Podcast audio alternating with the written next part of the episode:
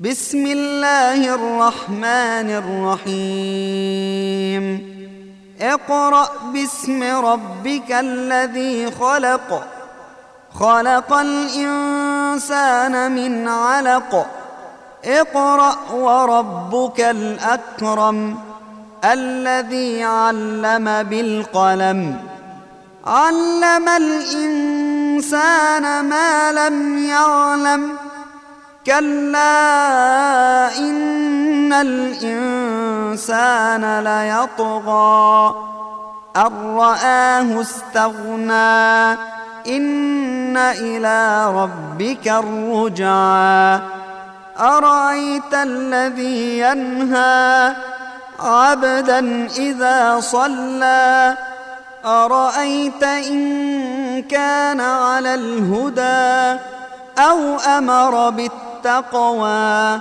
أرأيت إن كذب وتولى.